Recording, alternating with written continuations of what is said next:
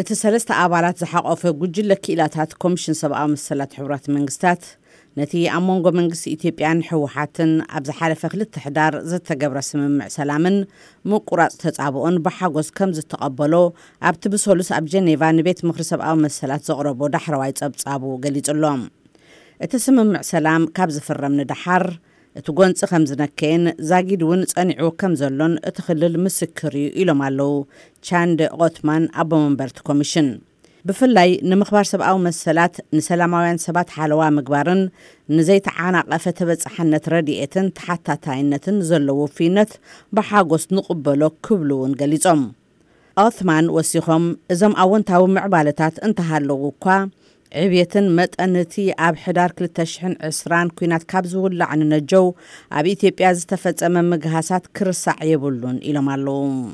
እቲ ናይ መስከረም ክልተ ሽሕን ዕስራን ክልተን ጸብጻብና፣ ኩሎም ኣብቲ ጎንጺ ዝተዋስኡ፣ ገበናት ኲናትን ምግሃሳትን ጥሕሰት ሰብኣዊ መሰላትን ፈጺሞም'ዮም ኢልካ ንምእማን እኹል ምኽንያት ከምዘሎ ረኺቡ'ዩ ክብሉ'ውን ወሲኾም፣ እዚ ርእይቶ እዚ ነቲ ቤት ዕዮ ጉዳያት ወጻኢ ኣሜርካ ብሰሉስ ኣብ ዘውጽኦ ዓመታዊ ጸብጻብ ሰብኣዊ መሰላት ዘሎ ዘቃለሐ እዩ።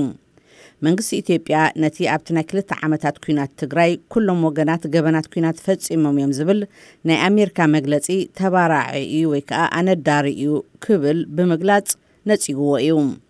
እቲ ኮሚሽን ሕቡራት መንግስታት ብተወሳኺ፣ ድሕሪ'ቲ ምፍራም ስምምዕ ሰላም፣ ተፈጺሞም ዝበሃሉ ከበድቲ ምግሃሳትን ጥሕሰታትን እውን ምምርማሩ ቀጺሉ ኣሎ።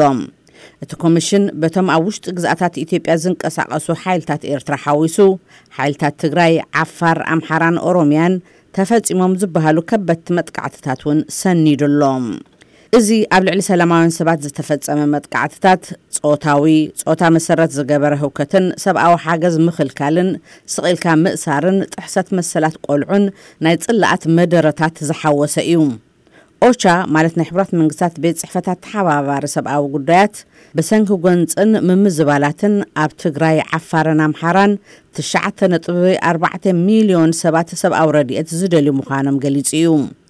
ፕሮግራም ምግቢ ዓለም እውን ኣብዘን ክልላት ሓሙሽተ ነጥቢ ሓሙሽተ ሚልዮን ሰባት ጽንኩር ጥሜት ዘንጸላለዎም ምዃኖም ኣፍሊጡ እዩ። ንደሓንቲ ፍትሒ ክረኽቡን ኣብ መጻኢ'ውን ህውከትን ምግሃሳትን ከይፍጸም ንምግታእ እቲ ከበድቲ ጥሕሰታት ብነጻ ወገን ክምርመርን ተሓታትነት ክህሉን ምርግጋጽ ኣድላዪ እዩ ኢሎም ኣለዉ እቶም ኣቦ መንበር'ቲ ኮሚሽን ክኢላታት ሰብኣዊ መሰላት ሕቡራት መንግስታት። ሓበሬታ እዚ ጸብጻብ ካብ ግዳያት፣ ደሓንቲ፣ መሰኻኽርን ብርሕቐት ዝተኣከበ እዩ፣ ምኽንያቱ መንግስቲ ኢትዮጵያ ኣባላት እቲ ኮሚሽን ናብታ ሃገር ኣትዮም ከይምርምሩ ስለ ዝኣበየ ክብሉ'ውን ተዛሪቦም። መንግስቲ ኢትዮጵያ ምስቲ ኮሚሽን ንዘይምትሕብባር ንዝገበሮ ውሳኔ እንደገና ክሓስበሉ ኣትሪርና ንጽውዕ ዝበሉ ኦትማን፣ ብመሰረት ዓለምለኸ ሕጊ ኣብ እዋን እቲ ኲናት ንዝተፈፀሙ ገበናት ተሓታትነት ንምርግጋፅ ብቐዳምነት ሓላፍነት ዘለዎ እቲ ፌደራል መንግስቲ እዩ ኢሎም ኣለው። ኣብ ጄኔቫ ወኪል መንግስቲ ኢትዮጵያ ኣምባሳደር ፅጋብ ከበበው ዳካ ብወገኖም ነቲ ስምምዕ ሰላም ከተዓናቕፍ ዝኽእል ተባራዒ ሓበሬታ ከይጥቀም ነቲ ኮሚሽን ኣጠንቂቖሞ ኣለው።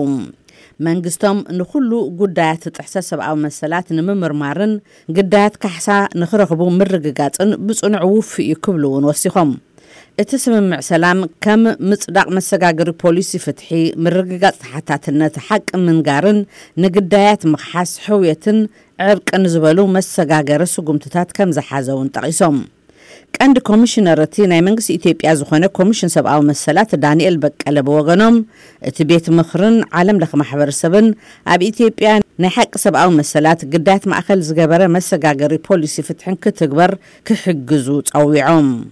እቲ ኮሚሽን ኢትዮጵያ ቀዳማይ ድሌቶም ብዘይ ፍርሂ ምንባር፣ ሰላምን ምርግጋእን ምህላውን ናብ መነባብርኦም ንምምላስ ካሕሳ ምርካብን ምዃኑ ዝገለፁ ልዕሊ ሸውዓተ ሚእቲ ግዳያት ምግሃሳት ሰብኣዊ መሰላት ከም ዘዘራረበ እውን ተዛሪቦም። ኣባል እቲ ናይ ሕቡራት መንግስታት ኮሚሽን ዝኾኑ ስተቨን ራትነር ብወገኖም እቶም ዓለም ለኸ ገበናት ዝፈፀሙ ተሓተትቲ ኮይኖም ናብ ፍትሒ ክቐርቡ እቶም ግዳያት ከኣ ኣፍልጦን ካሕሳን ክረኽቡን እዚ ምግሃሳት ኣብ መፃኢ ንከይድገም እውን ንምርግጋፅ ህዝብን መንግስትን ኢትዮጵያ ዝመረፅዎ ዝኾነ ይኹን ኣገባብ ስግግር ፍትሒ እቲ ኣካል ከም ዝድግፎ ገሊፆም ኣለው።